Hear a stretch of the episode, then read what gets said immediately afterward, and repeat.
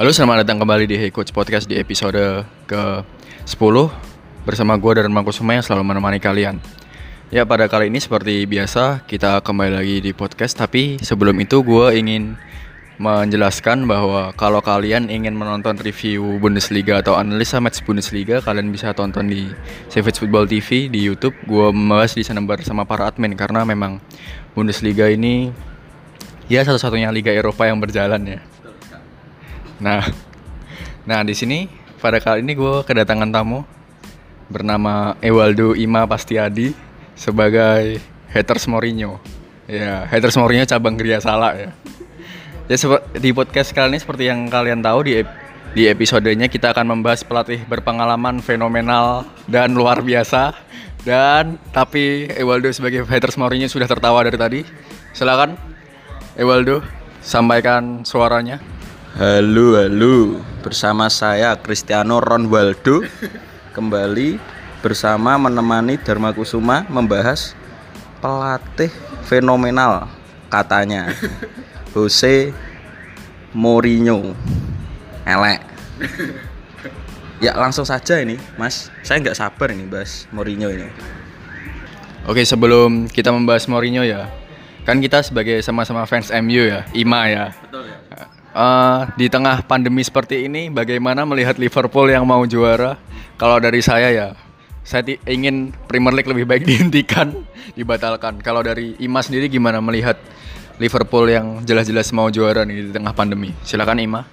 Ya untuk saya, uh, saya lebih baik dihentikan ya Premier League ya, karena lebih sayang nyawa daripada YNWA mas.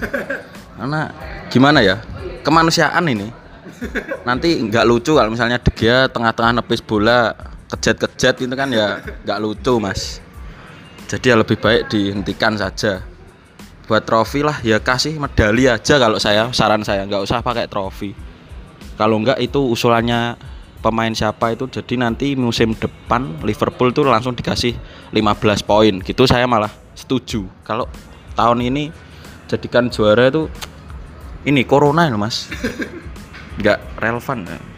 Jelas ya ini sebuah kebencian yang mendalam dari fans MU untuk Liverpool. Tapi kalau bicara tentang 15 poin ya gue lebih setuju sih. Soalnya untuk menunda kejuaraan Liverpool saja. Nah, tapi kan tadi gue sempat menyinggol Bundesliga nih Ima.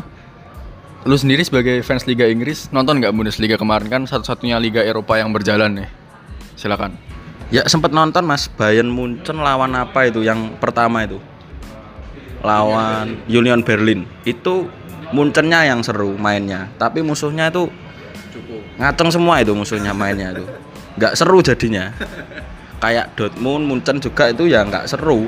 Kayak yang kuat itu cuman itu saja gitu. Jadi kayak yang kompetitif itu cuman klub-klub besar aja. Ketimpangannya itu uh, terlihat sekali kalau di Bundesliga daripada Premier League jadi saya lihat tuh cuman satu babak kalau nggak salah yang Union Berlin tuh. Bisa tinggal tidur. Membosankan soalnya.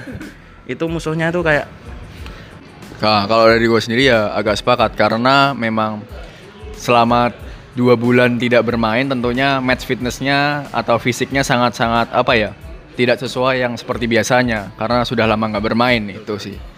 Karena di rumah saja. Nah kalau dari Ima sendiri di tengah pandemi ini bagaimana? Apakah kuliah lancar atau bagaimana? Lewat Zoom apakah sudah bosan? Sudah muak di rumah kah ini? Ya kalau saya setengah pandemi corona ini ya ngerjain TA karena ya mau lulus. Doain aja ya pendengar Coach ya. Fans MU ini ya. Uh, supaya saya bisa lulus sama doain ini ya. EPL ini biar dihentikan ya. Tetap tetap saya tetap. Karena gimana ya? Kemanusiaan loh masa tengah-tengah main ada yang cedera karena corona kan nggak seru gitu. Udah gitu.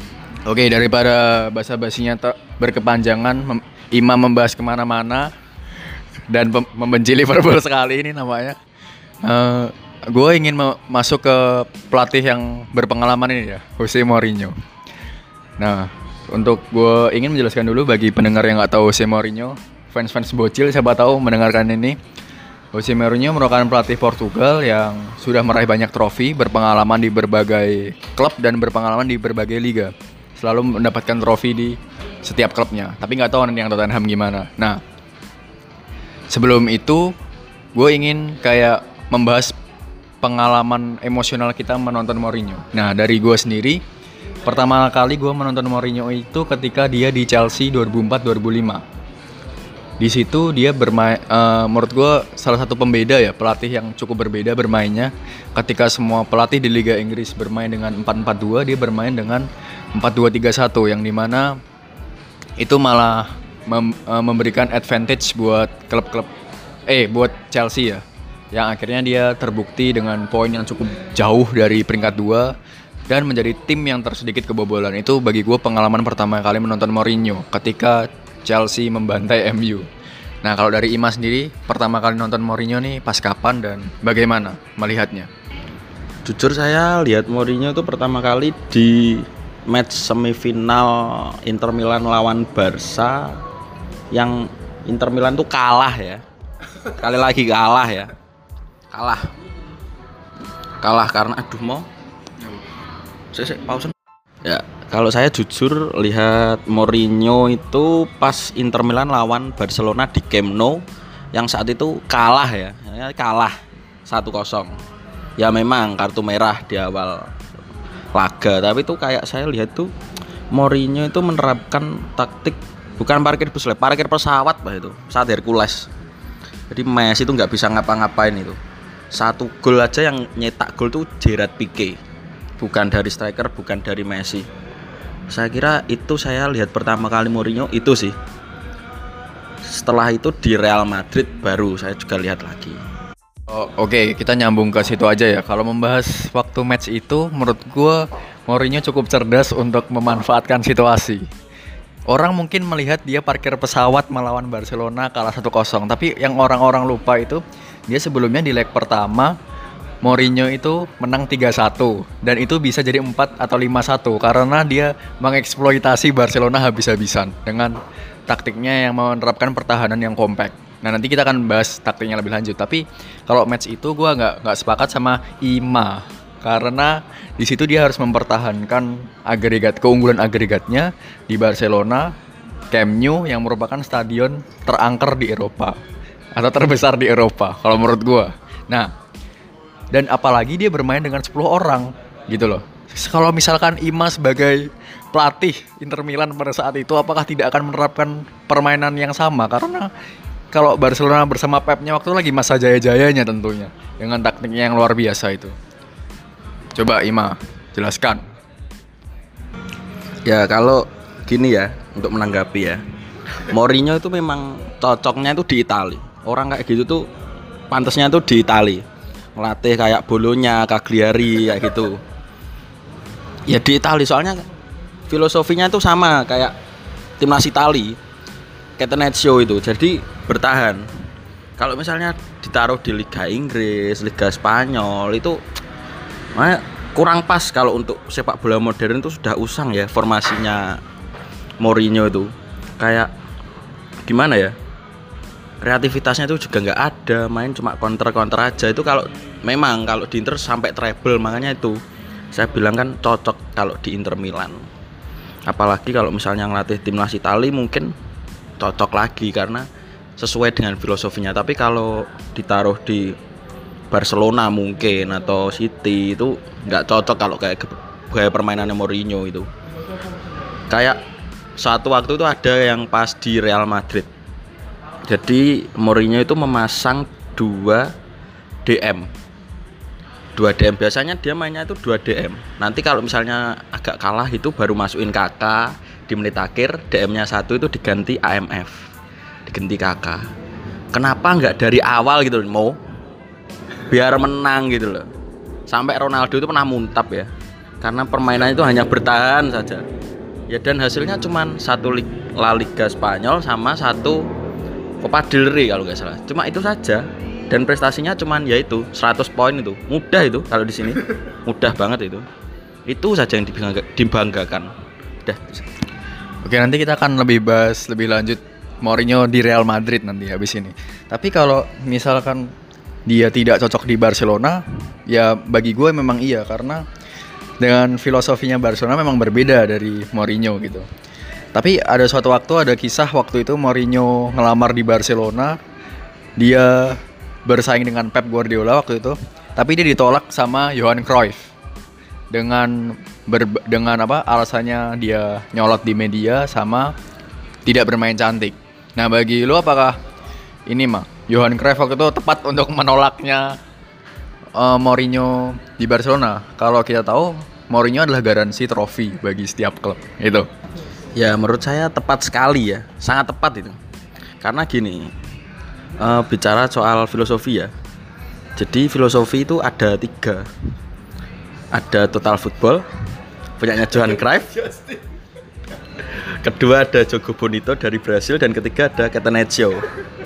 Lah Barcelona itu terkenal dengan total football bukan total footballnya maksudnya tuh permainannya tuh diambil dari permainan total football bukan dan Mourinho itu terkenal kayak uh, ke lebih ke arah ke Catenaccio jadi uh, saya rasa tuh kalau Mourinho ditaruh Barcelona memang nggak cocok sama filosofi bermainnya Barcelona soalnya Barcelona itu memanfaatkan positioning positioning ball sama pemainnya itu kan uh, cenderung pendek-pendek ya kalau di Barcelona itu. Mourinho itu kesukaannya pemain yang tinggi-tinggi.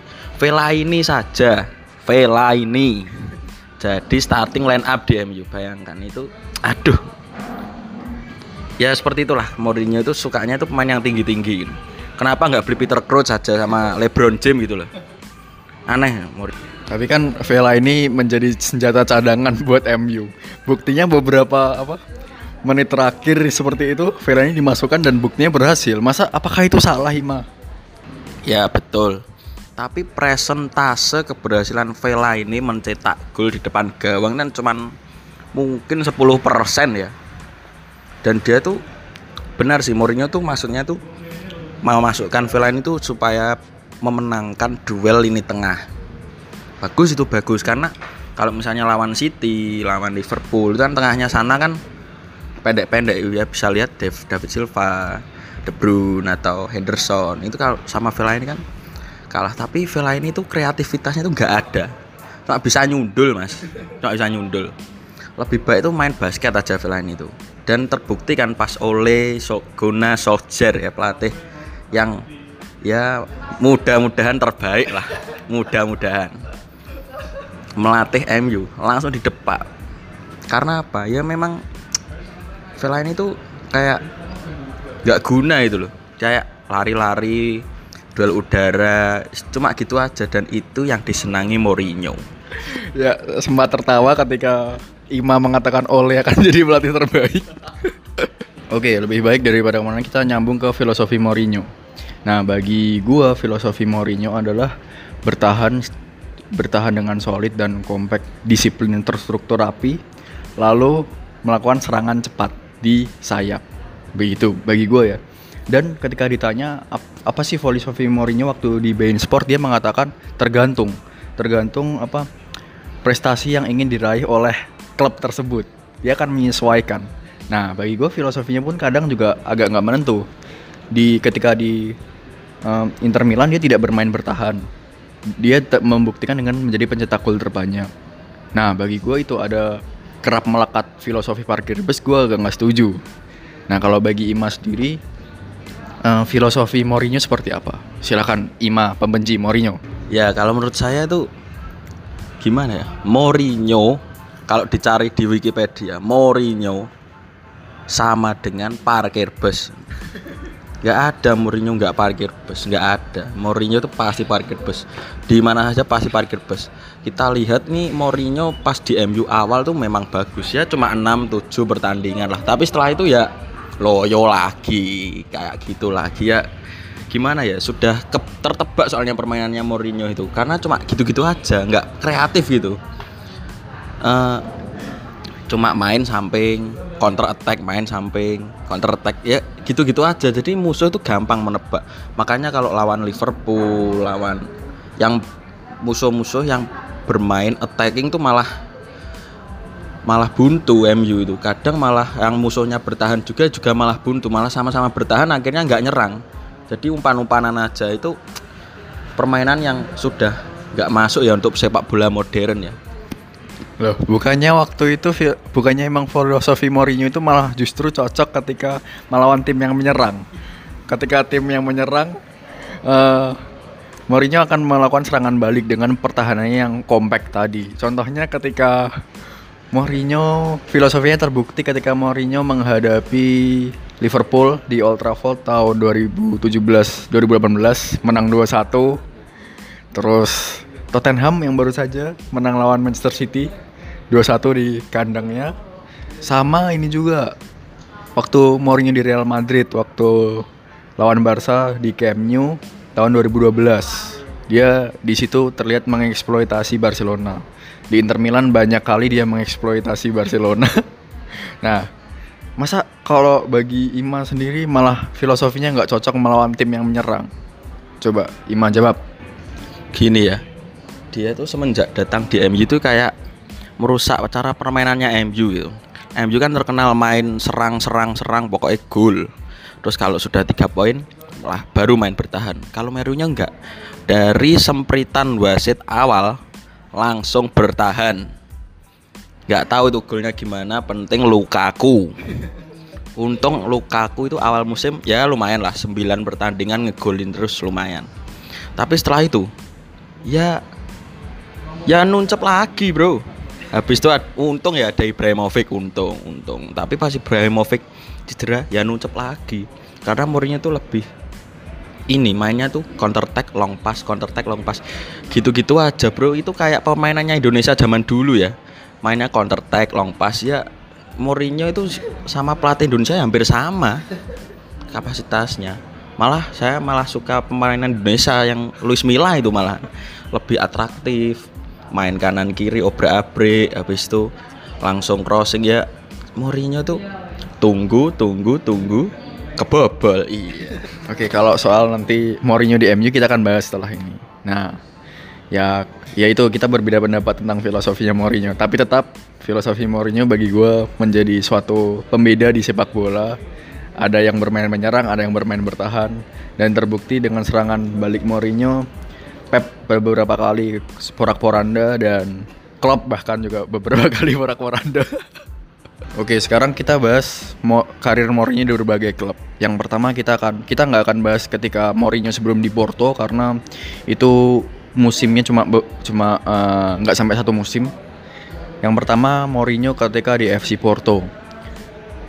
Dia dia di sana dua musim lalu meraih trofi Liga Portugal dua kali, Champions League pertama kali untuk klub Portugal setelah sekian lama. Ima tetap membencinya karena waktu itu MU dikalahkan. Ya saya juga benci, tapi waktu itu ya itu suatu hal yang mustahil ya. Eh, bukan mustahil apa? Suatu hal yang luar biasa bagi Mourinho. Nah, kalau bagi gue waktu Mourinho di Porto itu sukses luar biasa.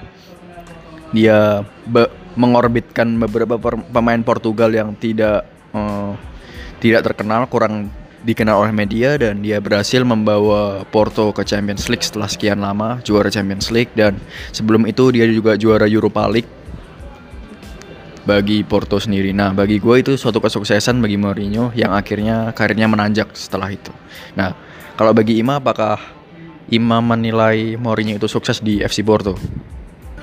Ya kalau menurut saya kalau dia di Porto sukses ya ya memang dikatakan sukses lah ya karena bisa membawa tim sekelas Porto menjuarai Champions League dan mengalahkan tim terbaik dunia Manchester United ya kala itu ya yang dilatih oleh pelatih terbaik dunia Sir Alex Ferguson. Itu memang saya akui tapi kan kita tidak bisa mengenyamping eh, mengesampingkan pemain-pemain Porto ya. Pemain-pemain Porto itu kalau kita lihat itu juga bagus-bagus. Ada Deco dan ya banyak lah tapi gimana ya?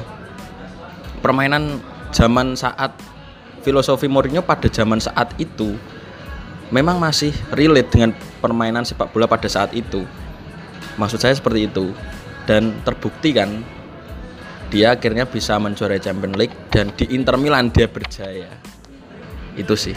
Nah, kalau apa Mourinho ketika di Porto memang taktiknya menyesuaikan dan memanfaatkan kapasitas pemainnya yang cepat dan agak pendek-pendek. Jadi dia bermain short pass quick counter yang tinggiannya Carval Carvalho sama Paulo Ferreira waktu itu. Deco tidak terlalu tinggi.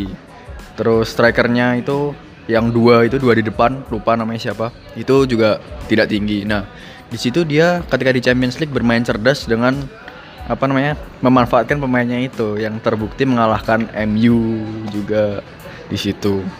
Nah seka, lebih baik gini aja tuh the point ini mah. Karena Ima tadi tidak menjawab apakah Mourinho sukses di FC Porto.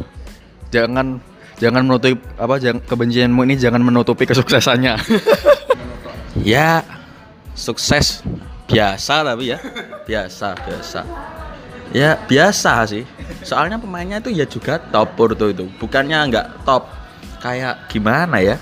Ya memang top pemainnya tapi nggak terkenal di media ya kayak gitu tapi ya biasa sih biasa biasa ya tapi yang penting Ima sudah mengatakan sukses tapi hanya kekeh untuk beralasan ya memang karir itu malah apa ya menaikkan para pemain Porto ke media Nah gue agak nggak setuju ketika orang mengatakan dia pemain bagus tapi kurang terkenal di media. Pemain bagus ketika nggak terkenal di media akan percuma. Jadi pemain bagus yang terkenal di media malah akan menjadi apa nilai tambah bagi dia, bagi gue seperti itu.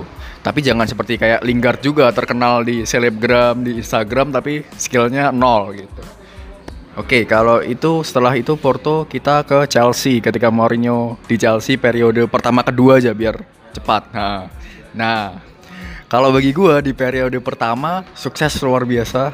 Dia meraih apa trofi Liga Inggris dua kali beruntun, mematahkan dominasi Manchester United dan Arsenal di Liga Inggris, membawa klub kaya Rusia, eh klub kaya da, da, yang pemiliknya Rusia baru lalu memberikan trofi dan memberikan suguhan permainan yang berbeda. Ketika semua yang sempat gue sendiri tadi semua klub Inggris bermain 4-4-2 dia melakukan hal yang berbeda yang di mana akhirnya kita kenal juga dengan Makalele Roll yang sekarang ditempati oleh Kante sebenarnya waktu itu.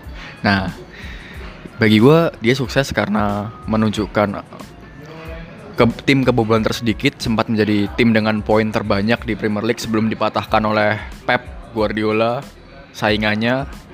Nah, di situ dia hanya kebobolan 15 gol. Ya menurut gue unbeatable lah. Terus musim keduanya 2006 2007 eh 2005 2006 dia ju juara lagi. Ya yang satu kegagalan Mourinho di Chelsea adalah gagal di Champions League. Di periode kedua ya ini agak menurun menurut gue karena pada saat musim 2013-2014 dia disuguhi apa ya pemain yang kelasnya tidak sama ketika di periode pertama Contohnya strikernya Torres yang gagal, terus Eto'o. Nah di musim kedua terbukti, yaitu Costa menjadi apa Costa menjadi top scorer dan dia meraih trofi Liga Inggris dan Carabao Cup. Nah kalau di periode kedua itu, walaupun di musim ketiga dia pecat. Nah itu nanti akan kita bahas tuh kekurangannya Mourinho di situ bagi gue. Nah kalau dari Ima sendiri di Chelsea, apakah anda sedih ketika Mourinho sukses di Chelsea dan MU terbantai waktu itu? Ayo Ima jawab. Kalau dikatakan sedih ya nggak sedih ya. Soalnya MU saat itu punya Ronaldo pasti. Tapi kita lihat tuh Mourinho besar tuh karena pemain-pemainnya yang lagi mantep-mantepnya. Pas waktu di Chelsea awal itu. Balak, Lampard, eh Balak kok. Lampard ya, Lampard, Drogba.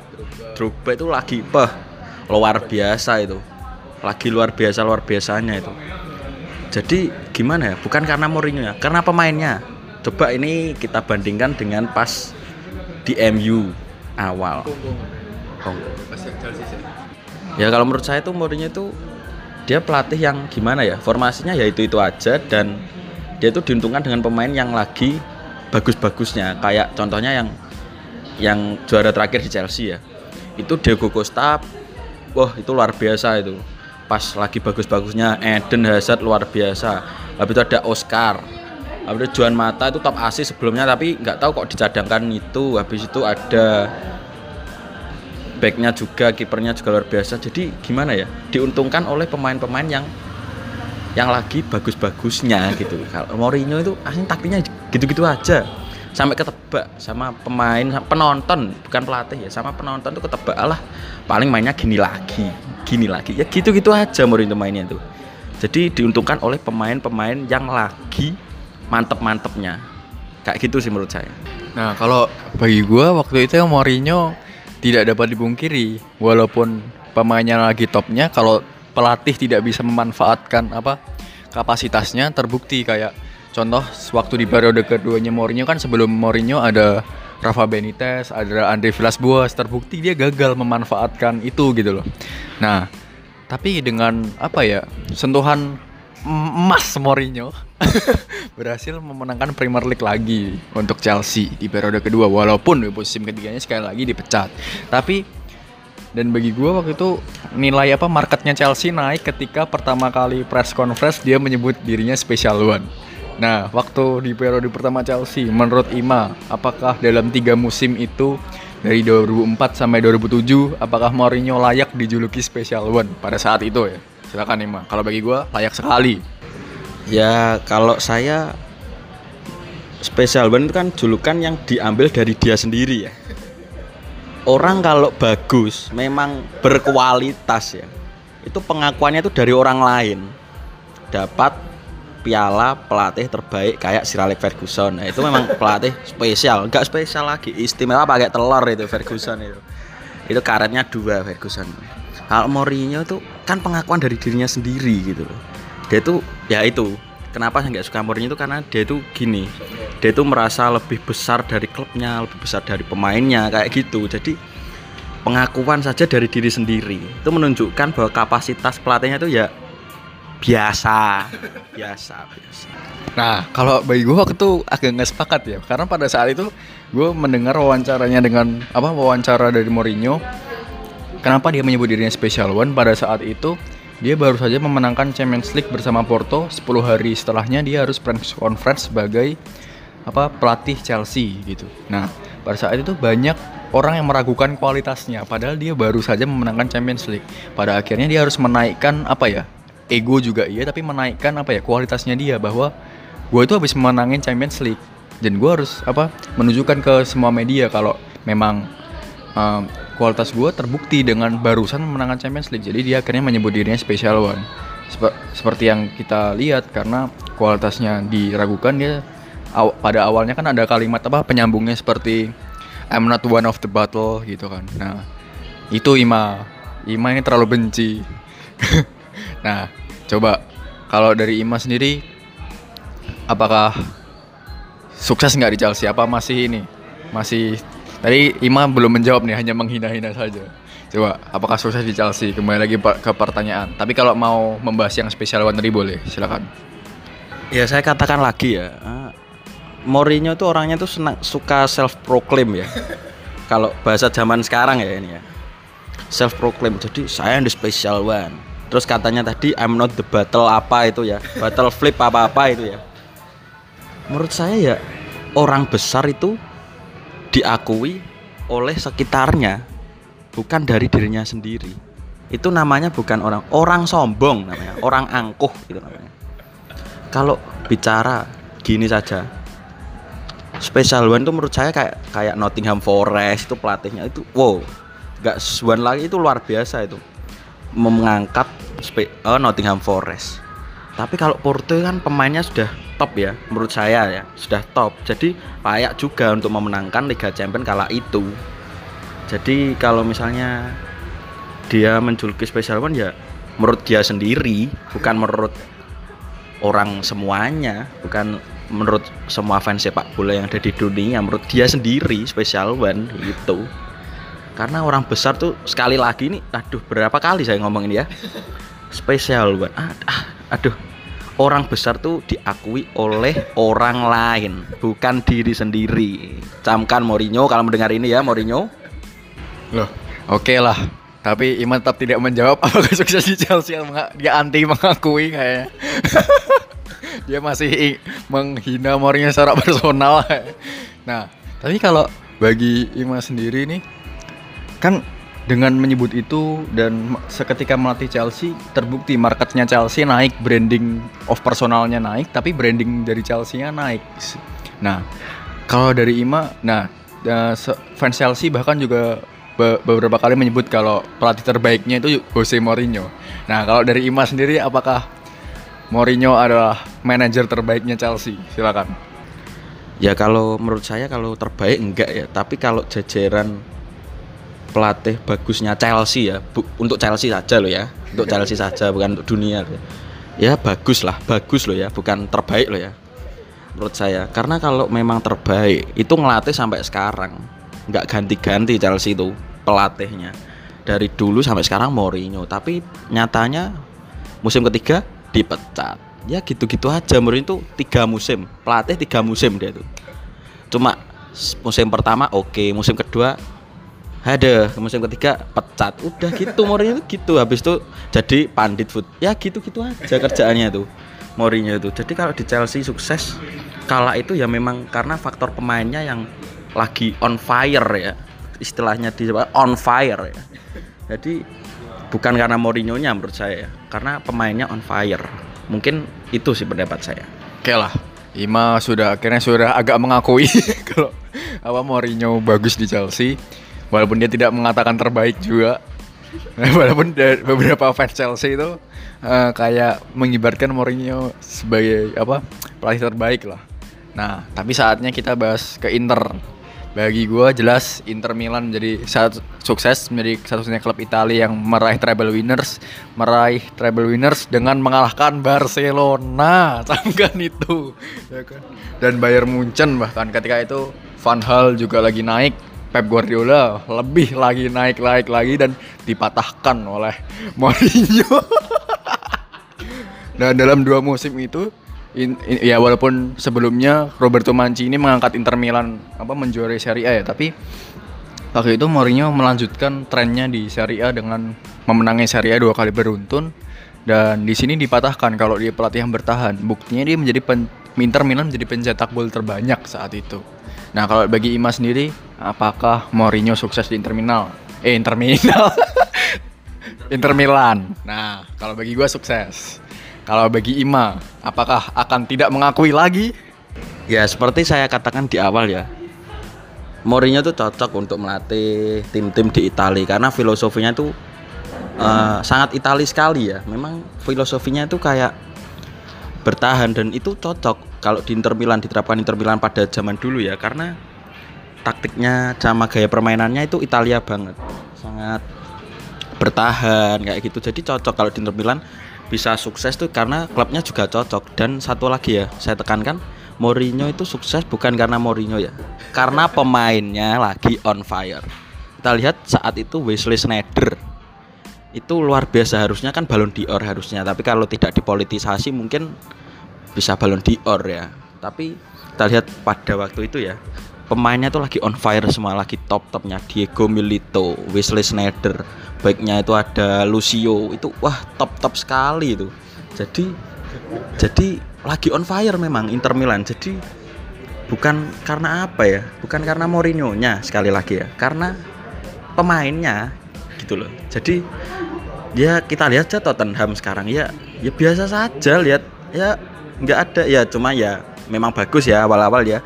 Langsung naik ke peringkat 8 ya lumayan. Tapi kita lihat lagi. Di samping Mourinho pasti ada pemain yang on fire.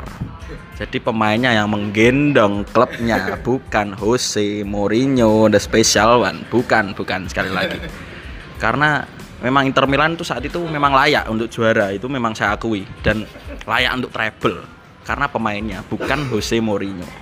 Karena sekali lagi Wesley Sneijder itu luar biasa, Diego Milito luar biasa. Jadi ya memang pemainnya yang on fire itu sih menurut saya nah kalau di Inter walaupun pemainnya on fire tapi kan Mourinho berhasil memanfaatkan itu nyatanya Inter Milan beberapa kali tidak pernah menjuarai Champions League kan sudah sejak lama sekali dan akhirnya Mourinho memanfaatkan itu kan pelatih itu tugasnya memanfaatkan kapasitas pemainnya untuk dimasukkan ke taktiknya nah kalau Sneijder kan waktu kemarin disebut on fire ya karena on fire-nya sama Mourinho. Kita perlu ingat Schneider sebelumnya kan di Madrid. Di Madrid dia dicadangkan. Gitu loh. Dan Diego Milito berasal dari Geno Genoa kan. Nah, di situ Mourinho melihat apa yang tidak dilihat pelatih lain yaitu Diego Mil dia melihat itu dan memanfaatkan Milito untuk ke Inter Milan yang langsung menaikkan namanya. Dan apakah itu salah? Bagi gue tidak. Nah, gitu. Tapi dalam perjalanannya menjuarai Champions League, Inter Milan menurut gue bukan klub terbaik untuk menjuarai Champions League dan masih banyak. Waktu itu Barcelona itu on fire dan Bayern Munich itu on fire. Nah, kalau bagi Ima masa perjalanan menjuarai Champions League malahkan Barcelona dan Bayern Munich, Chelsea bahkan di mana Chelsea pada saat itu juga juara di Premier League. Itu bagi Ima uh, bukan kesuksesan di Inter Milan karena pemainnya lagi. Silakan Ima. Ya gini ya, saya katakan lagi ya, ini ketiga kali mungkin saya bicara ya. Mourinho itu memang cocok kalau di tim-tim Liga Italia atau timnas Italia cocok karena apa? Filosofinya itu sama. Kayak Show. Jadi bertahan, memang Mourinho itu bisanya cuma itu bertahan. Jadi makanya saya nggak heran dia bisa sukses di Inter Milan karena ya memang filosofi sepak bolanya sama, pemahaman pemahaman filosofi dan strateginya itu juga sama karena permainannya juga tidak jauh beda dengan Italia. Seperti itu. Jadi bisa sukses. Dan untuk squad ya untuk squad Inter Milan tuh kala itu juga menurut saya squad Inter Milan terbaik ya. Kala itu. Setelah itu kan habis itu Inter Milan tidak menjuarai apa-apa sampai sekarang. Itu menurut saya ya memang squad Inter Milan tuh pas terbaik dan on fire untuk menjuarai Liga Champion gitu. Nyatanya ya setelah itu dia ya melempem sampai sekarang gitu makanya kenapa saya bilang Inter Milan saat itu skuad terbaik ya memang terbaik. Karena pemainnya tuh memang pas on fire dan buktinya musim selanjutnya tuh tidak menjuarai apa-apa malah AC Milan ya yang menjuarai Scudetto gitu. Jadi ya biasa saja Mourinho pemainnya yang on fire gitu. lah tapi kan yang saya katakan tadi kan uh, Mourinho dengan Inter Milannya mengalahkan Barcelona dan Bayern Munich di perjalanan menjuarai Champions League-nya Menurut Ima apakah saat itu skuad Inter Milan lebih baik dibanding skuad Barcelona? Barcelona era Pep Guardiola dan Bayern Munich era Van Hal. Coba, masa lebih baik? Menurut saya faktor ya lebih baik ya menurut saya karena kala itu Wesley Sneijder tuh memang luar biasa lep, uh, lep, sangat on fire ya di Inter Milan sangat dimanfaatkan luar biasa di Inter Milan oleh Jose Mourinho memang dan Diego Milito itu luar biasa rain, oh, rainbow ya itu ya. Itu luar biasa rainbow itu. Jadi ya memang squad terbaik memang. Kalau dibandingkan Barcelona head to head mungkin kalah ya pas uh, head to headnya waktu Messi sama kanannya Inter Milan. Pandev. Pandev ya kalah jauh bro. Tapi cuman itu saja gitu loh.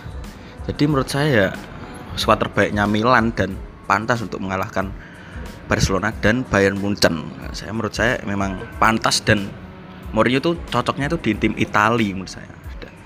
Oke, Ima tetap anti mengakui Mourinho sukses di Inter Milan. Oke, ya walaupun Ima tadi juga mengatakan beberapa kali bahwa dia cocoknya emang menangani klub Italia, tapi kita sekarang lompat waktu di Real Madrid. Real Madrid tiga musim menurut gue, bagi gue bagus bukan sukses, tapi dalam arti kata bagusnya begini dia men, dia berhasil membangkitkan winning mentality-nya Real Madrid yang pada saat itu hancur lebur sebelum Mourinho. Terbukti dia menjuarai Copa del Rey untuk pertama kalinya sejak lama. Gue lupa tahun berapa. Terus habis itu menjuarai La Liga di musim keduanya sukses luar biasa menurut gue itu. Untuk pertama kalinya sejak 2008 kalau nggak salah. Nah di situ dia kan miss. Nah Mourinho pernah mengatakan tuh dia mengatakan uh, misinya adalah mematahkan dominasi Barcelona di era Pep dan terbukti sukses. Dia menghentikan Barcelona menjuarai Copa del Rey dan Liga. Nah pada saat itu bagi gue Mourinho sukses dengan mengalahkan di musim kedua menjuarai La Liga dengan rekor skor 100 gol eh 112 gol poinnya 100 dan sampai sekarang menjadi rekor La Liga dan itu dicetak oleh pelatih yang katanya bertahan katanya Ima ini aduh Walaupun di musim ketiganya sekali lagi dia emang dipecat kalau musim ketiga. Karena nanti kita akan bahas kekurangannya itu. Nah, kalau dari Ima sendiri apakah Mourinho sukses di Real Madrid? Walaupun tadi sudah sempat single-single dikit ya. Ya kalau di Real Madrid uh, sekali lagi ya dia didukung oleh faktor pemain-pemain bintang Real Madrid. Permainan itu sangat cepat ya. Kala itu kalau misalnya kita katakan ada Ronaldo, Karim Benzema yang larinya luar biasa cepat. Itu kenapa? Karena mendukung oleh uh, sama taktiknya Mourinho. yang cenderung bertahan dan counter attack. Jadi kenapa bisa mendapatkan 100 poin, 100 gol? Faktor Ronaldo, Benzema, Bu- dan Ozil juga ya. Jangan lupa Ozil kala itu. Karena bukan faktor Mourinho lagi sekali lagi ya. Coba itu kalau pemainnya diganti Rashford, Martial sama Ashley Young. Golnya cuma 50 mungkin. Jadi gimana ya? Kalau 100 poin oke 100 poin, tapi kan itu bukan suatu yang harus bisa kita wah gitu. Biasa saja. Karena sekali lagi ada Ronaldo. Kan saya sudah katakan ya, Mourinho itu besar karena pemainnya yang lagi on fire. Bukan dari dirinya dan saat di Real Madrid itu formasinya cocok untuk counter attack karena penyerangnya tuh top sekali ada Ozil, penyuplai bola yang luar biasa dan Ronaldo dan Benzema yang memiliki insting mencetak gol yang luar biasa. Ronaldo memang tidak bisa diragukan lagi ya. Jadi cocok untuk eh, formasinya ya, untuk counter attack, cetak gol lari seperti itu dan ke bawah sampai sekarang ya. Tapi di era Zidane mungkin sudah agak diubah ya permainannya karena sudah usang formasinya Mourinho itu. Jadi saya katakan lagi Mourinho besar karena pemain yang sedang on fire. Itu sih menurut saya. Nah, tapi kan walaupun katanya taktik Mourinho usang ya. Nah, di situ ketika Mourinho keluar, Ancelotti dan Zidane cenderung melanjutkan apa yang dilakukan Mourinho, yaitu bermain cepat counter attack. Nah, di situ sebenarnya Mourinho membangkitkan winning mentality-nya Real Madrid dan bagaimana cara memanfaatkan pemainnya Real Madrid? Kayak Ozil, Benzema, Di Maria, jangan lupa Di Maria. Dan juga Cristiano Ronaldo. Ya gue agak-agak sepakat ketika Mourinho memang memanfaatkan pemainnya. Tapi sekali lagi itu juga karena sentuhan taktiknya. Kalau pelatih yang tidak cocok contohnya Pellegrini sebelumnya dia hancur hancur lebur dan gagal memanfaatkan pemain sekali Ronaldo. Terus Di Maria belum masuk jadi kakak juga gagal. Benzema juga gagal. Nah di situ kan ini jadi indikator kalau Mourinho memang berhasil memba- memanfaatkan dan membangkitkan winning mentality-nya. Nah kalau dari Ima sendiri kan Oz- Ozil kan sekarang juga udah menurun. Nah pada saat itu apa yang dilakukan Mourinho ya untuk eh, kayak membuat Ozil menjadi pemain kelas dunia. Lagi-lagi Mourinho memang pelatih terbaik dunia, memanfaatkan pemain kelas dunia. Silakan Imam menjawab. Jadi bagaimana waktu itu Mourinho bisa memanfaatkan Ozil? Bahkan menurut gue prime-nya Ozil pada saat itu. Setelah itu di Arsenal menurun. Nah bagi Ima gimana? Ya menurut saya gini ya Mourinho waktu di eh, Real Madrid kenapa lebih memanfaatkan Ozil? Karena gini, satunya saat itu kan masih ada Kakak ya. Kakak tidak pernah dimainkan. Karena apa? Berbeda dengan filosofi Mourinho. Kakak itu lebih bermain Jogo Bonito. Jadi bermain indah, melewati melewati pemain. Mourinho itu nggak suka. Mourinho itu mainnya bertahan, dapat bola, long pass, umpan Ronaldo, Benzema, Di Maria. Itu saja yang dimainkan Mourinho. Dan kala itu kan masih relate ya kalau misalnya formasi seperti itu gitu. Jadi kalau untuk dimainkan sekarang sih sudah ketebak banget ya karena sepak bola modern tuh sekarang permainannya sudah nggak kayak gitu. Jadi kalau kenapa ya ini kenapa ya Ozil lebih dimanfaatkan pemain? Karena ya memang dia itu long passnya memang bagus dan yang menerima bola itu Ronaldo gitu loh. Ya kita tidak bisa meragukan lah kapasitas Ronaldo bro. Pemain terbaik dunia bro. Mega bintang. Jadi ya pantas Ozil dimanfaatkan dengan baik. Karena kalau misalnya kita memanfaatkan eh, Kalau misalnya saat itu kakak ya. Kakak itu permainannya ya cuma melewat-melewati saja kayak gitu. Dan kalau Ozil kan permainannya taktis dan cocok untuk skema eh, formasinya Jose Mourinho ya. Yang long pass long pass. Ya itu itu saja long pass long pass. Dan ya untung saja Real Madrid depannya itu ada trio yang luar biasa Benzema, Di Maria, Ronaldo yang kala itu sekali lagi saya katakan ya on fire gitu loh yang bisa mendukung kesuksesan Mourinho gitu. Itu- saja sih menurut saya Oke, jadi sebenarnya Ima sedikit sepakat dan sedikit mengakui gitu. Walaupun dia tetap tidak mengakui kalau Mori Mori tetap digendong oleh para pemainnya. Nah, kalau baik saya Kak, pertanyaan terakhir untuk ini ya, Mourinho di Real Madrid ya. Bagi Ima beri eh, berikan peringkat kayak Mourinho, Zidane, Ancelotti. Kalau bagi gue satu Mourinho, dua Zidane, tiga Ancelotti. Kalau bagi Ima sendiri bagaimana? Apakah Mourinho lebih baik daripada Zidane dan Ancelotti? Nah. Waktu di Real Madrid ya, ingat jangan benci terus. Kalau peringkat antara Zidane, Ancelotti, Mourinho ya itu yang saya sebut dari ya saya sebut tadi itu Zidane, Ancelotti dan yang ke sembilan itu Mourinho. Nggak ketiga ya, sembilan. Mungkin ke 15 mungkin Mourinho itu. Itu sih kalau soal peringkat ya. Oke, daripada kita berdebat panjang ketika Mourinho di Real Madrid, kita loncat langsung ke klub yang akan diperdebatkan agak panjang. Mourinho di Manchester United. Nah, bagi gua itu Mourinho di MU sukses tapi oke, nggak yang luar biasa ya. Gini, begini, jangan ketawa dulu, Ima. Kalau kita sebagai fans MU mengekspektasikan Mourinho mengembalikan Manchester United seperti di era Ferguson, tentu jauh. Nah, masalahnya uh, fans MU ini nggak bisa move on dari Ferguson. Jadi siapa pun akan dibandingkan dan dan akan diekspektasikan tinggi. Padahal yang kita lupa Mourinho lebih baik daripada Van Hal sama Moyes. Yang orang lupa mereka tidak meli, tidak mereka tidak membandingkan Mourinho dengan Van Hal atau Moyes gitu loh. Walaupun cara permainan Van Hal lebih atraktif ya, tapi nah itu di musim pertamanya Mourinho berhasil meraih mini treble yaitu kalau Community Shield kita nggak hitung, oke, okay, Carabao Cup dan Europa League dan itu membangkitkan moral dari squad MU yang lama tidak meraih trofi gitu loh. Apalagi trofi Eropa. Di Europa League dia menang Carabao Cup ya klub apa piala Mickey Mouse ya kalau kalau apa piala kardus kalau katanya Coach Justin. Tapi ya walaupun begitu memang dia pantas lah. Terus di musim keduanya yang orang lupa sejak kapan MU berada di peringkat dua setelah era Ferguson. Nah itu.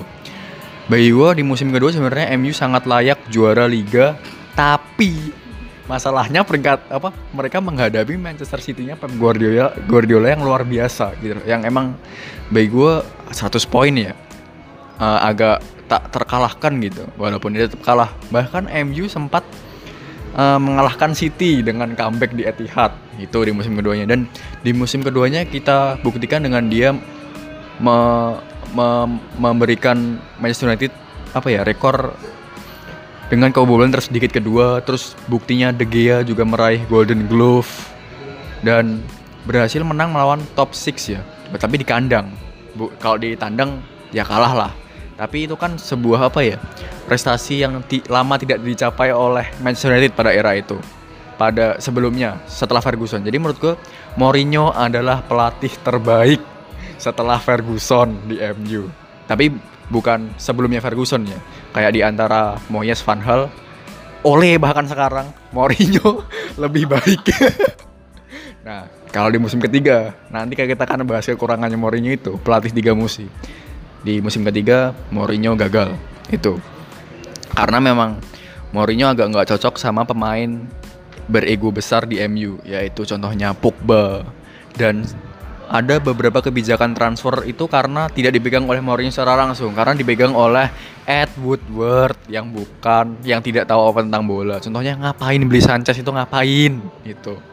Ya gitulah. Bagi gue Mourinho oke okay di MU kalau bagi Ima bagaimana ya jujur ya saya itu kan pecinta Manchester United ya. Ya memang klub terbaik dunia nomor satu numero uno ya Manchester United dan lebih besar dari Jose Mourinho pastinya. Awal Mourinho datang tuh saya oh mantap ini. Permainan counter attack luar biasa. Tapi saya nggak bisa ekspektasi besar. Karena saya sudah lihat permainan Mourinho waktu saat di Chelsea. Saya baru mengikuti permainan Mourinho tuh saat di Chelsea ya. Saat di Real Madrid ya saya lihat tuh pas lawan MU juga. Waktu pertama kali Mourinho diperkenalkan oh ya wah mudah-mudahan lah memberikan dampak yang luar biasa pada Manchester United. Mendatangkan Ibrahimovic, Mkhitaryan, Lukaku, Pogba. Luar biasa.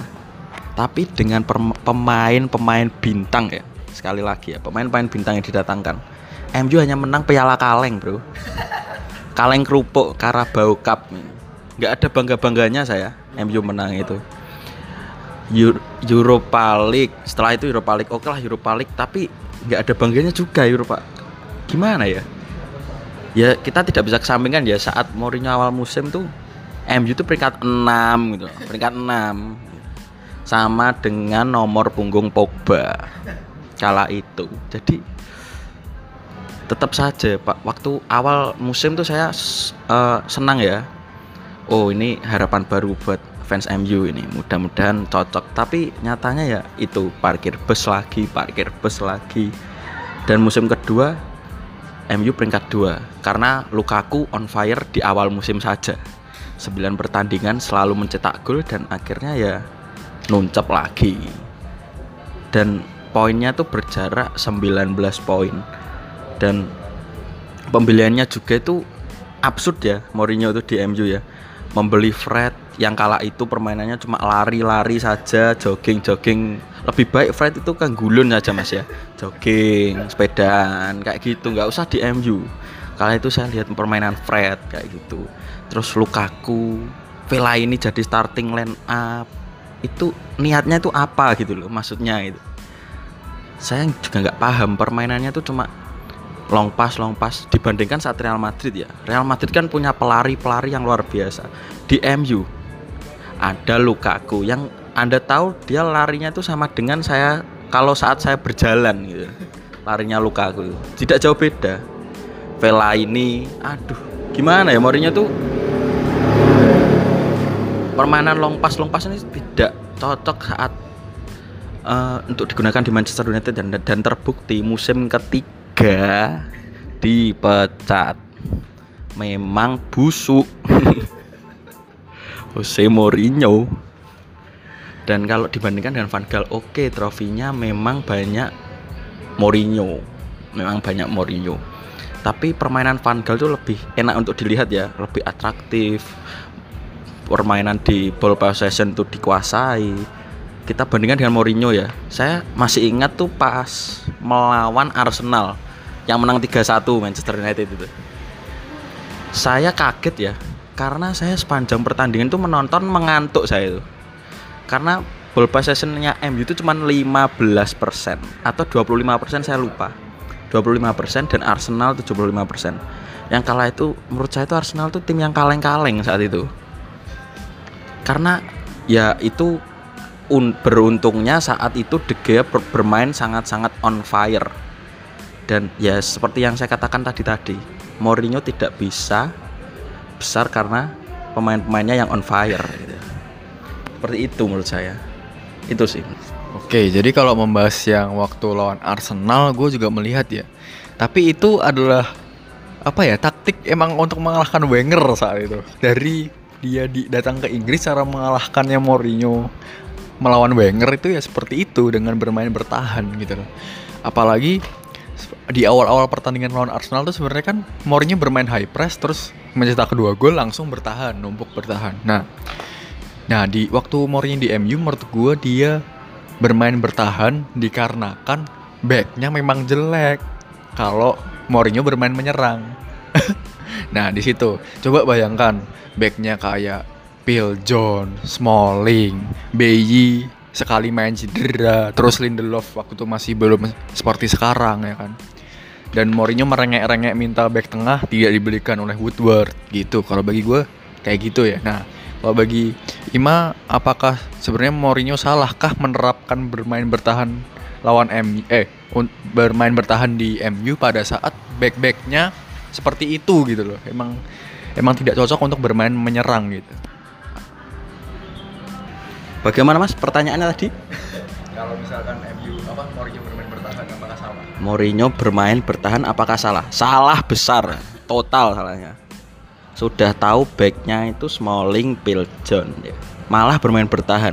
Akhirnya korbannya De Gea sampai dapat Golden Glove untung saat itu De Gea itu lagi on fire ya. Kalau De Gea kesurupan skill kiper saya ya kebobol sudah kan Arsenal lu mungkin bisa 8-2 menang Arsenal itu mungkin ya. Mungkin. Malah saya tuh dengan back seperti itu bermain tuh press press press. Press pemain menurut saya karena kita tidak bisa mengandalkan back yang pada saat itu di uh, nahkodai oleh Mourinho ya. Asik nahkodai karena Smolik, Phil John itu malah dibuat parkir bus ya. Akhirnya hasilnya MU peringkat 6 peringkat 2 kenapa eh, musim kedua peringkat 2 karena memang tim-tim lainnya tuh memang lagi kentang ya. Lag- lagi kaleng-kaleng memang. Yang lagi up cuma MU, Liverpool dan City kala itu. Lainnya tuh tidak bisa kompetit oh tidak bisa lagi belum.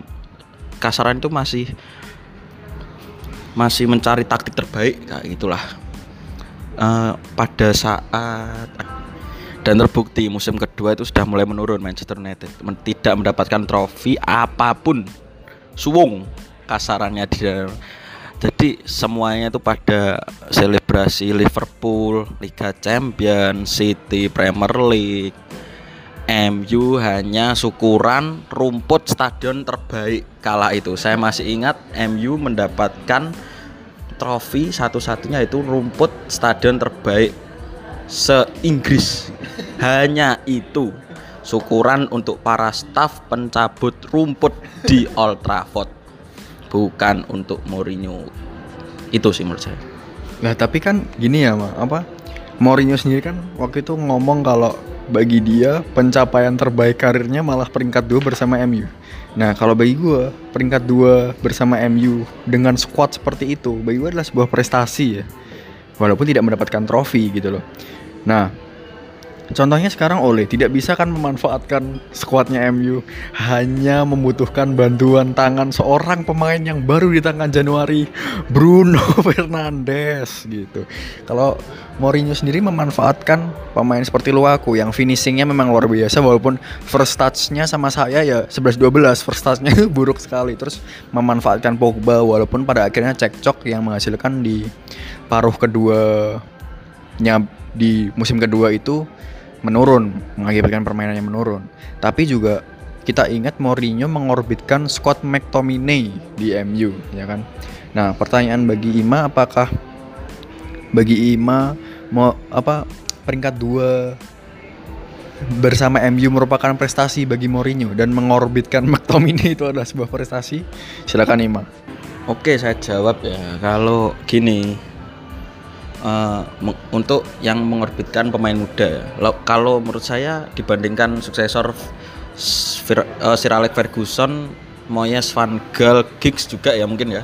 Walaupun cuman beberapa pertandingan dan Mourinho. Kalau untuk mengorbitkan pemain muda yang paling sukses itu Luis Van Gaal ya daripada Jose Mourinho.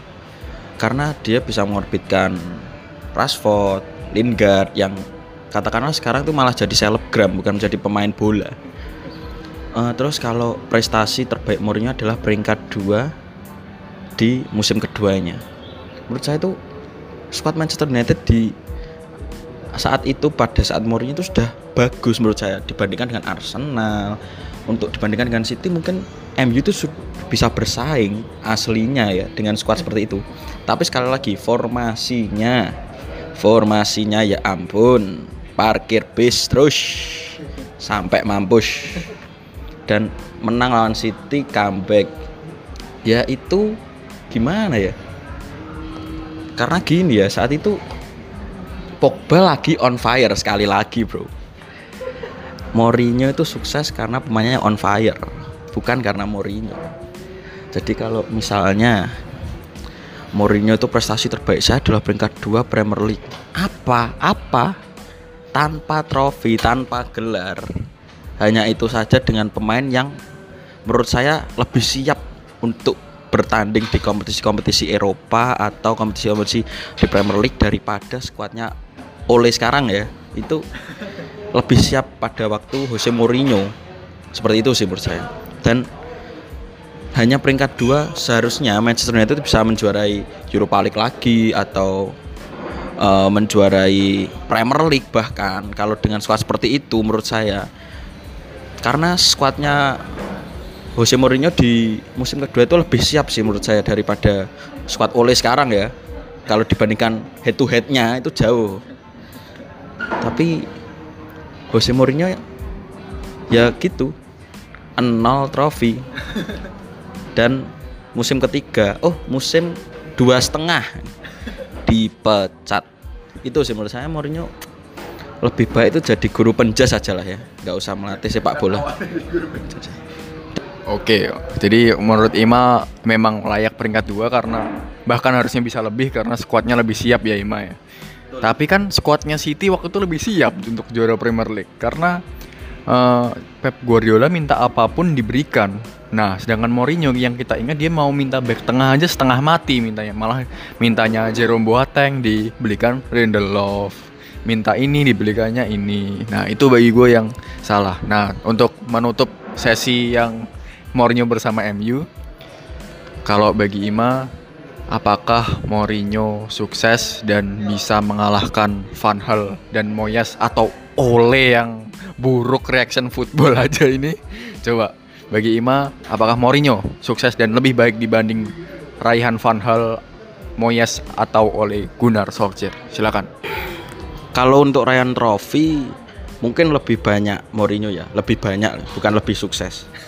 Karena gini ya permainannya kalau lebih sukses tuh Mourinho tuh harusnya Mourinho itu harusnya musim kedua itu bisa menjuarai Premier League menurut saya ya. Karena pemainnya tuh ada ya you name it lah. Ada Ibrahimovic, Lukaku, Mkhitaryan, Pogba, Ander Herrera yang luar biasa.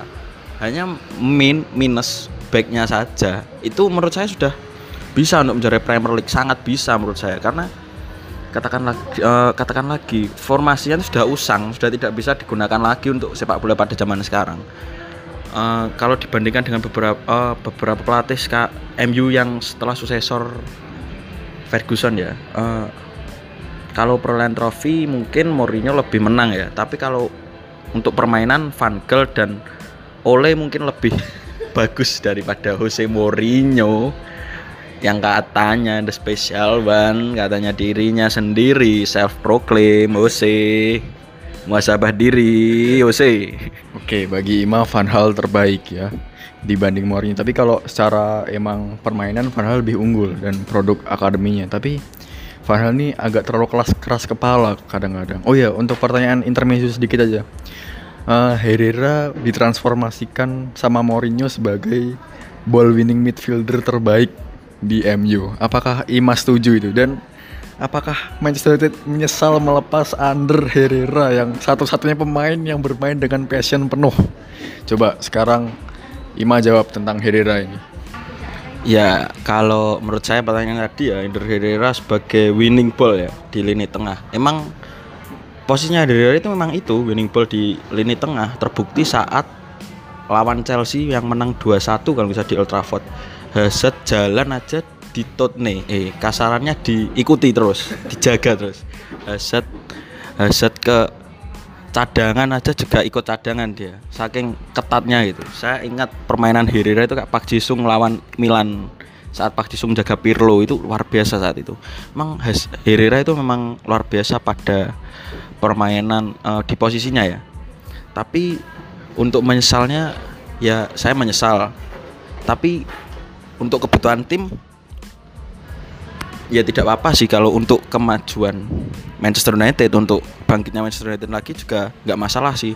Tapi kalau dikatakan menyesal juga menyesal karena dia tuh ya free transfer satu free transfer dan juga dia sat- salah eh, satu-satunya pemain yang memiliki passion penuh dalam permainan dan eh, bermain untuk Manchester United itu sudah kasarnya sudah cinta itu sama Manchester United gitu. Sudah sudah falling in love gitu sama Manchester United. Itu sih menurut saya. Menyesalnya itu karena dia saat itu adalah pemain yang satu-satunya bermain karena cinta dengan klubnya. Pada saat itu menyesalnya karena itu. Seperti itu sih menurut saya. Tapi sekarang penggantinya adalah McTominay dan Fred sekarang sudah menemukan permainan terbaiknya. Jadi menurut saya juga eh, tidak begitu penyesalan saya sudah tidak begitu besar. lagi sih. Karena penggantinya juga luar biasa dan Bruno Fernandes lebih baik ini pembelian yang cerdik menurut saya cerdas dari Ole Gunnar Solskjaer gitu. legenda Manchester United kala itu mencetak gol lawan Bayern Munchen di final. Itu luar biasa itu Ole Gunnar Solskjaer membeli Bruno Fernandes cerdas sekali daripada membeli Fred kala itu 40 juta pound sterling dan hanya lari-lari jogging di lapangan Mourinho Mourinho Oke, jadi ya itu juga perannya Mourinho ya, membuat Herrera sebagai ball winning midfielder padahal sebelumnya dia adalah gelandang kreatif gitu. Oke, jadi kita sudahi dulu nanti kalau Tottenham akan kita bahas lagi. Nah, bagi Ima ini kelebihan Mourinho seperti apa? Kalau di mata gue pribadi, gue menyebut gue kelebihannya Mourinho adalah mental. Dia memiliki winning mentality. Terus psikologi, dia mengerti psikologi pemainnya, bisa memotivasi pemainnya. Terus adaptasi taktiknya. Dan gue gak sepakat ketika formasinya sudah usang ya, karena dia kadang-kadang mengganti formasi. Contohnya seperti Inter lawan Barca. Terus MU ketika menghadapi City yang tertinggal 2-0 lalu bisa membalikan keadaan babak kedua dengan mengganti taktiknya yang bermain lebih di sayap. Nah, bagi gue dia cukup adaptif ya ketika melawan klub besar gitu. Dan juga kelebihannya adalah garansi trofi. Everywhere he go, he win a trophy. Bagi gue itu. Itu jelas kalau eh, klub yang membutuhkan trofi langsung polling Mourinho gitu. Nah, kalau bagi Ima kelebihannya Mourinho apa? Walaupun kita tahu Ima dari tadi terus-terusan membenci Mourinho. Ya, ini menyebutkan kelebihan Mourinho. Saya tadi memikirkan kelebihan Mourinho itu hampir tidak ada ya. hampir tidak ada hampir, tapi berarti kan ada ya, karena masih hampir. Eh, kelebihan Mourinho ya memang garansi trofi karena kita tahu Mourinho itu adalah pelat model pelatih yang akan melakukan apa saja demi mendapatkan trofi. Walaupun bermain kasar seperti di Real Madrid memasang Sergio Ramos dan PP sebagai pemain smackdown di lapangan di daerah pertahanan Real Madrid. Tapi nyatanya mendapatkan trofi. Dan saat Inter Milan juga permainan kasar ya. Maserati dimainkan sebagai undertakernya lini pertahanan Inter Milan kala itu. Itu Materasi itu. Maserati. Materasi, maksud saya bukan Maserati, sorry sorry Materasi.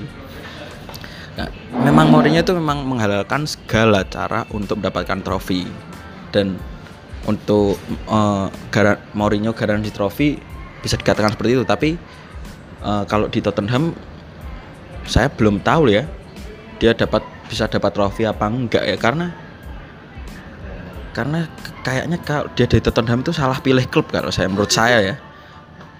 Ka- karena gini dia gaya bermainnya itu cocok di Italia karena dia pengen dapat trofi lagi ya di Italia saja. Menurut saya seperti itu sih. Kebaikannya Mourinho eh, kebaikan. Ke kelebihan Mourinho lainnya garansi trofi. Selain garansi trofi eh, ini dia itu pintar cyber ya. Memancing emosi lawan sehingga lawan tuh mainnya itu penuh emosi. Itu itu kelebihan Mourinho.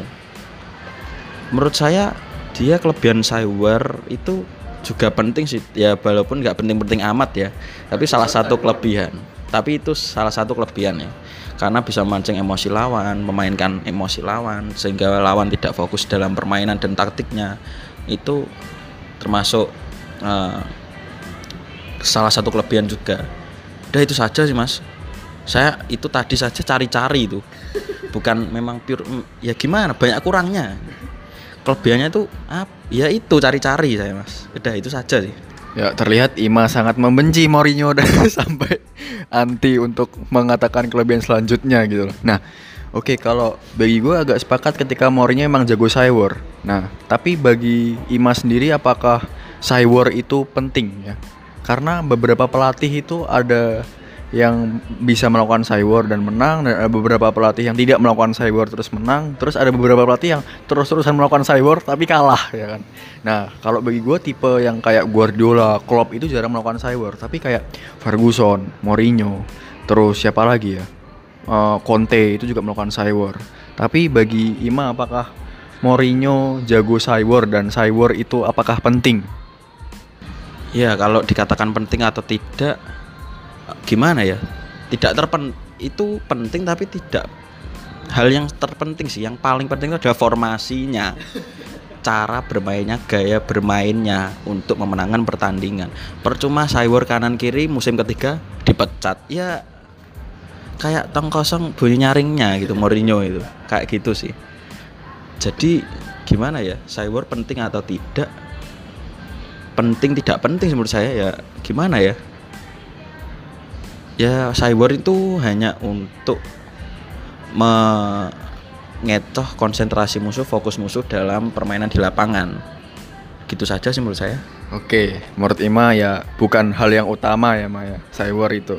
Kalau bagi gue ya juga menjadi salah satu faktor lah, tapi bukan yang terutama. Tapi kalau bagi taktik Mourinho, apakah ya tadi beberapa kali menyebutkan usang. Nah kita masuk ke kekurangannya. Bagi Ima kekurangan Mourinho apa nih? Apakah tadi termasuk taktiknya juga? Karena Ima sering kali menghina Mourinho terus. Kekurangannya kayaknya 700 ini. Silakan Ima sebagai haters Mourinho cabang Gria Salah. Ya, kekurangan Jose Mourinho ya. Ini kalau saya sebutkan bisa saya lulus wisuda ini. kalau saya sebutkan kekurangannya Jose Mourinho. Banyak sekali. Dia itu sangat egois, orang yang sangat egois, melakukan segala cara demi memenangkan pertandingan tanpa melihat permainan cantik. Itu ciri khas Jose Mourinho. Dan dia terbukti dapat mendapatkan gelar-gelar. Ini malah jadi kelebihan ya sebentar sebentar. Kekurangan Jose Mourinho itu banyak sekali ya. Dia egois merasa lebih besar uh, dia lebih besar daripada klub yang dia latih. Harusnya kan tidak seperti itu uh, saat di Manchester United dia juga merasa seperti itu. Padahal Manchester United adalah klub terbesar dan paling terrespek di dunia ya. Dan dan dia itu permainannya uh, menurut saya dia juga nggak kreatif ya pelatih yang tidak kreatif. Karena permainan hanya seperti itu seperti itu seperti itu dan sampai ketebak cara bermainnya itu oleh lawan. Kalau ya musim pertama musim kedua memang oke. Okay, tapi setelah itu ya gitu-gitu aja formasinya. Long pass long pass long pass long pass. Kayak melihat permainan permainan-permainan yang gampang lah ya long pass ya. Cuma memanfaatkan pemain yang berlari berlari berlari berlari. Seperti itu itu saja tidak memainkan bola kanan kiri. Hanya long pass long pass. Mourinho itu sangat membosankan sangat membosankan. Untuk di Manchester United dia sepertinya salah pilih klub ya saat di Manchester United. Karena Manchester United itu permainannya itu tidak seperti itu. Atraktif menyerang. Semua lini lapangan kanan kiri atas bawah dikuasai oleh Manchester United. Kalah di Mourinho, semua pemain hanya bertahan dan meninggalkan Lukaku, Fellaini di depan untuk menyundul bola dan tidak gol. Itu sangat tidak efektif ya. Ya menurutnya efektif. Tapi kan keberhasilannya itu tidak 100% dan terbukti dia dipecat di musim ketiga. Jadi menurut saya formasi Mourinho itu usang ya sudah tidak bisa digunakan di sepak bola modern kala ini. Mungkin kalau digunakan di Liga Italia itu cocok karena filosofi Liga Italia dan formasi Jose Mourinho itu hampir sama walaupun lebih baik Italia filosofinya daripada Jose Mourinho. Itu sih menurut saya. Oke, cukup dijelaskan detail ya kekurangan dari Mourinho ya bagi haters Mourinho yang satu ini ya. Kalau bagi gua taktiknya Mourinho tidak usang ya karena dia agak adaptif dan agak reaction ketika apa namanya melakukan pergantian taktik gitu loh walaupun waktu lawan Leipzig contohnya sama Tottenham itu emang dihancurkan oleh Nagelsmann gitu nah itu gue agak mengakui tapi kalau bagi gue nih kekurangannya adalah tidak mengorbankan pemain muda dan juga pelatih jangka pendek yaitu pelatih tiga musiman. Kalau bagi gue itu contohnya walaupun saat ini dia udah agak memperbaiki ya di Tottenham ya kayak mengorbitkan Yapet Tanggangga copet tetangga itu terus habis itu ada Olivier Skip apa? Gazaniga bukan kiper muda. Terus kalau di MU dia mengorbitkan McTominay gitu. Di situ dia udah agak memperbaiki di sisi itu nah kalau di pelatih tiga musiman ya ini belum ter diperbaiki kenapa setiap tiga musim dia selalu ribut dengan pemainnya selalu ribut dengan manajemen nah kalau bagi gue gini dia merupakan pelatih yang galak keras kepala gitu. Nah itu dibutuhkan ketika klub sedang bobrok-bobroknya. Nah kalau bagi gue itu, ketika lu dikerasin oleh seorang pemimpin seperti diktator. Nah Mourinho seperti diktator, yang di mana jangkanya pendek saja, yaitu untuk apa ya klub yang sedang bangkit ingin bangkit itu cukup cocok.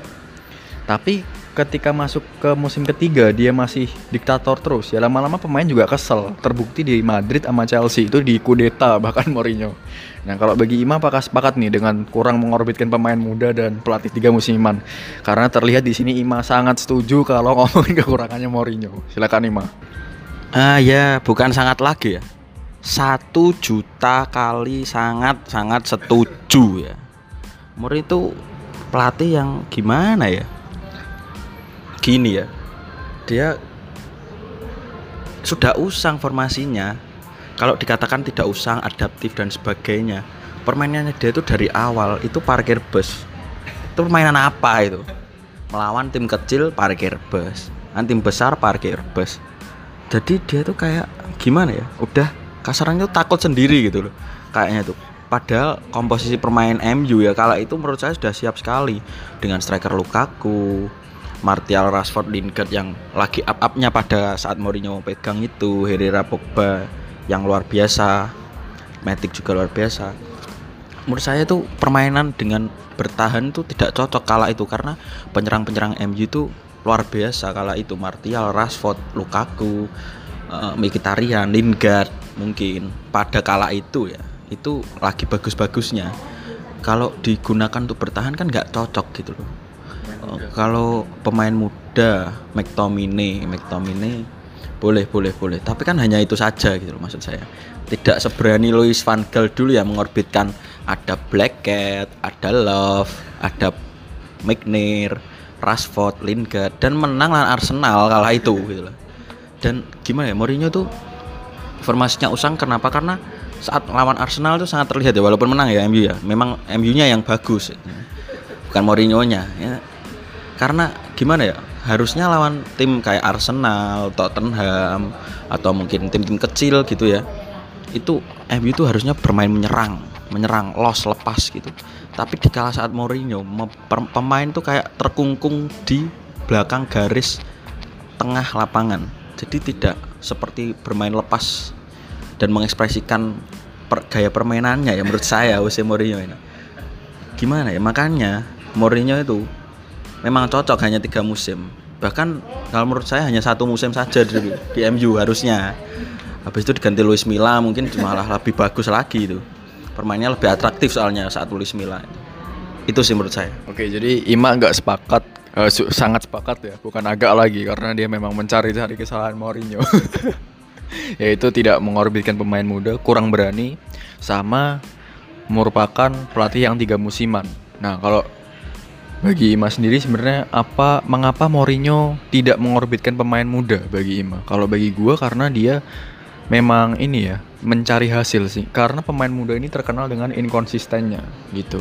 Nah, kalau bagi Ima mengapa dia tidak mengorbit pemain muda? Apakah jawabannya sama?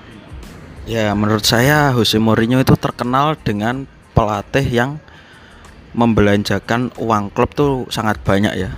Dan sukanya membeli pemain yang sudah jadi. Seperti kedatangan uh, kedatangan Mourinho di awal MU itu Ibrahimovic. Ya walaupun free ya.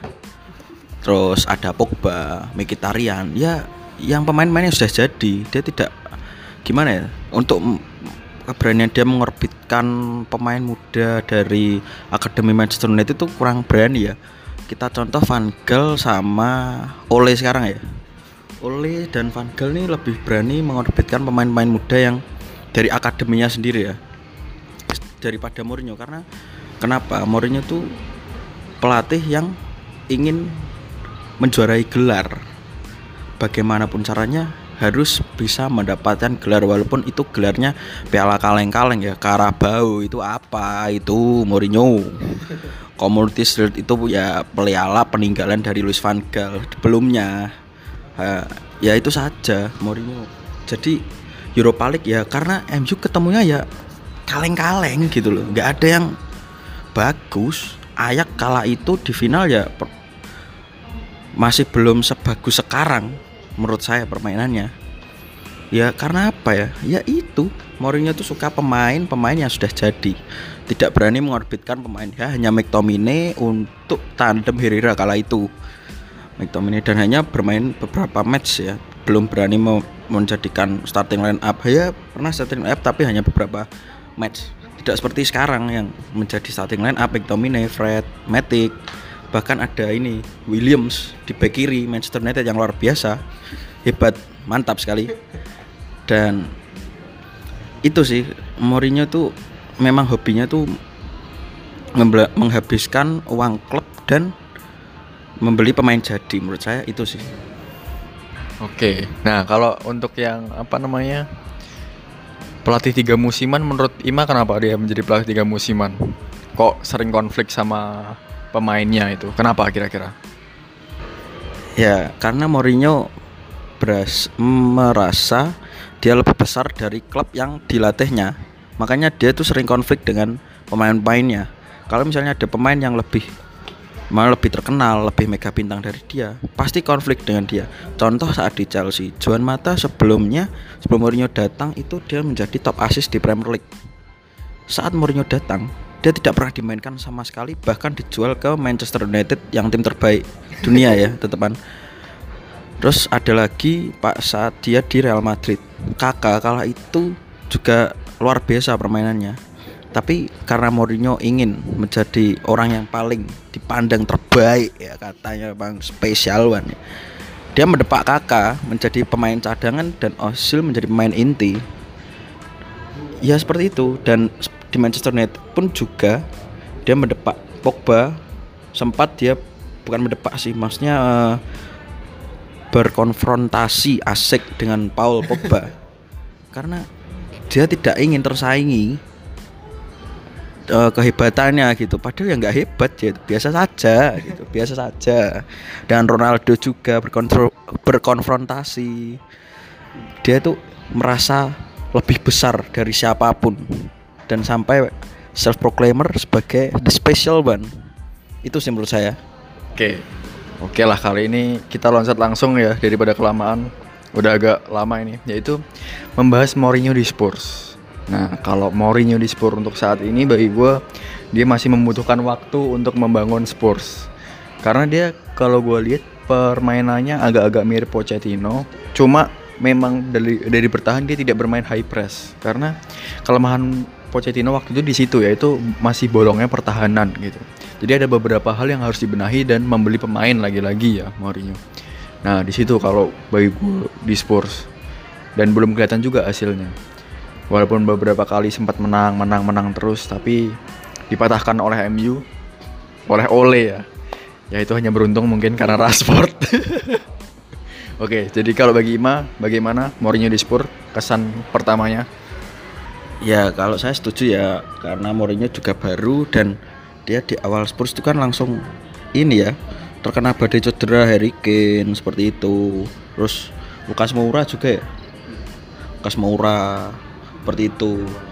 Tapi kita lihat gaya permainan Tottenham yang menang beruntun itu tidak menggunakan mas eh, tidak menggunakan pure formasinya Mourinho ya, tapi menggunakan masih menggunakan formasinya Pochettino gitu loh. Gimana ya? Ya memang lima setengah tahun menukangi Tottenham itu memang sulit untuk meninggalkan gaya permainan yang cantik ya daripada Mourinho. Tapi ya menurut saya gitu lagi sih Mourinho. Mungkin di Tottenham kalau dia tidak mau eh, kalau mungkin bisa mendapatkan trofi sih tapi kalau Premier League sepertinya ketinggian ya sepertinya.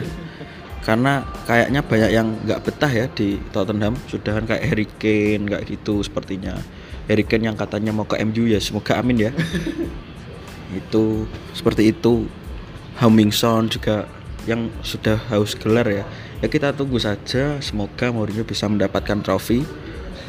Mungkin kalau FA Cup atau Carabao Cup mungkin lebih relate ya untuk Mourinho ya karena Premier League atau Champions League bahkan itu sudah nggak mungkin menurut saya sih Mourinho di Tottenham.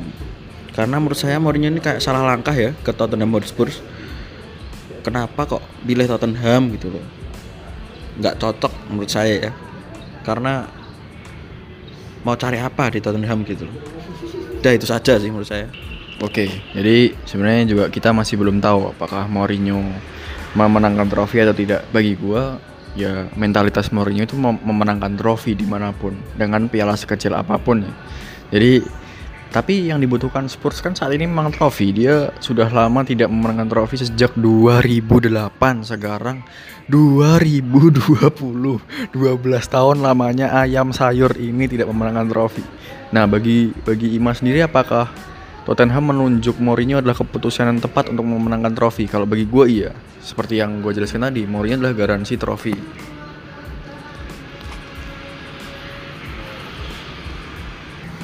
Ya menurut saya tepat sih kalau untuk mendapatkan trofi ya walaupun trofi kaleng-kaleng tapi Tottenham itu butuh ya trofi-trofi seperti Carabao kayak gitu itu butuh ya kalau Jose Mourinho ke Spurs tepat sih tapi begini manajemennya Spurs tuh siapa ya namanya Daniel Levy. Daniel Levy itu lebih pelit daripada Ed Woodward ya karena terbukti Pochettino dulu itu mau beli pemain apa saja itu pelitnya minta ampun ya daripada Edward Woodward. Mourinho saja saat di MU dia sering bersitegang dengan Edward Woodward yang sangat pelit kala itu ya. Apalagi sekarang di Tottenham. Mungkin tiga musim lagi mungkin atau bahkan tidak lebih menurut saya tiga musim karena manajemen Tottenham ini lebih pelit daripada manajemennya Manchester United ya itu sih menurut saya tapi untuk trofi mungkin Tottenham FA Cup sih paling maksudnya paling mungkin paling mungkin ya FA Cup kalau Premier League mungkin bisa sih tapi ya presentasinya ya 25% mungkin karena masih ada Manchester United di atasnya ya. itu saja sih. Oke, untuk pertanyaan tambahan Mourinho di Spurs ya. Nah, kalau bagi apa namanya? Ima sendiri ini kenapa ya Mourinho memilih Spurs sebagai klubnya setelah Manchester United? Kalau bagi gua uh, karena mungkin apa ya Tottenham yang melakukan pendekatan paling cepat. Karena ketika Mourinho lagi free itu kan jadi kayak hottest property di dunia kepelatihan ya. Bayern sempat mengincar lalu siapa Arsenal juga. Tapi kalau Arsenal menurut gue nggak mungkin Bayern Bayern masih banyak pilihan. Nah itu ya bagi gue Tottenham kayak melakukan pendekatan yang lebih cepat. Sedangkan Mourinho ini nggak sabar untuk melatih karena capek dia jadi pandit kayaknya. Nah kalau bagi Ima mengapa Mourinho memilih Spurs sebagai klubnya setelah Manchester United setelah melakukan kesuksesan yang luar biasa Ya kalau dikatakan sukses di MU tidak sama sekali ya Jose Mourinho ya. Uh, kenapa dia membeli Spurs? Karena satu ya, hanya satu alasan. Tidak ada klub lain yang menawari Jose Mourinho sebagai pelatih bola mereka. Hanya Tottenham Hotspur ya. Karena apa? Pemilik-pemilik klub mungkin yang liga top Eropa ini sudah gimana ya? Sudah melihat oh, Mourinho ini sebagai formasinya yang usang sudah tidak mengikuti zaman sepak bola modern yang sekarang. Jadi agak sedikit uh, agak sedikit aware dulu ya melihat Mourinho. Kenapa ya hanya Tottenham yang menawari menurut saya ya. Kalau misalnya Tottenham nggak nawari tapi Stoke City anak mungkin Stoke City Mourinho ini. Atau kalau misalnya Tottenham nggak nawari tapi Newcastle yang nawari mungkin Mourinho bisa menukangi Newcastle menurut saya karena ya memang nggak ada nawari Mourinho. Itu sih menurut saya. Oke sekarang kita masuk ke apa ya solusi untuk Mourinho pembenahan bagi Mourinho. Kalau bagi gue adalah harus mengorbitkan pemain muda lebih berani terus dan egonya jangan tinggi-tinggi di media karena itu memancing kontroversinya nanti di klub di internal juga. Belajar apa ya uh, untuk memikirkan jangka panjang sebuah klub atau sebuah kepelatihan agar bisa meninggalkan legasinya di klub karena Mourinho ini hanya memikirkan trofi dan jangka pendek saja gitu loh. Nah di situ Mourinho harus berbenah karena sudah mulai berumur juga dan juga membenahi taktik dalam menyerangnya ya. Nah kalau bagi gue itu solusi bagi Mourinho. Kalau bagi Ima sendiri apa nih agar Mourinho menjadi pelatih terbaik dunia karena sampai sekarang masih pelatih terbaik dunia. Ya untuk Mourinho ya kalau mungkin kalau dia mendengarkan podcast ini ya Jose Mourinho ya. Uh, dia harus ini apa kata apa? Introspeksi diri ya membenahi diri ya dan belajar lagi formasi-formasi mengikuti sepak bola modern sekarang ya. Karena menurut saya formasinya tuh usang sekali usang sekali. Karena gimana ya permainannya tuh usang dan dia tidak masih egois untuk mempertahankan gaya permainan yang seperti itu itu itu saja.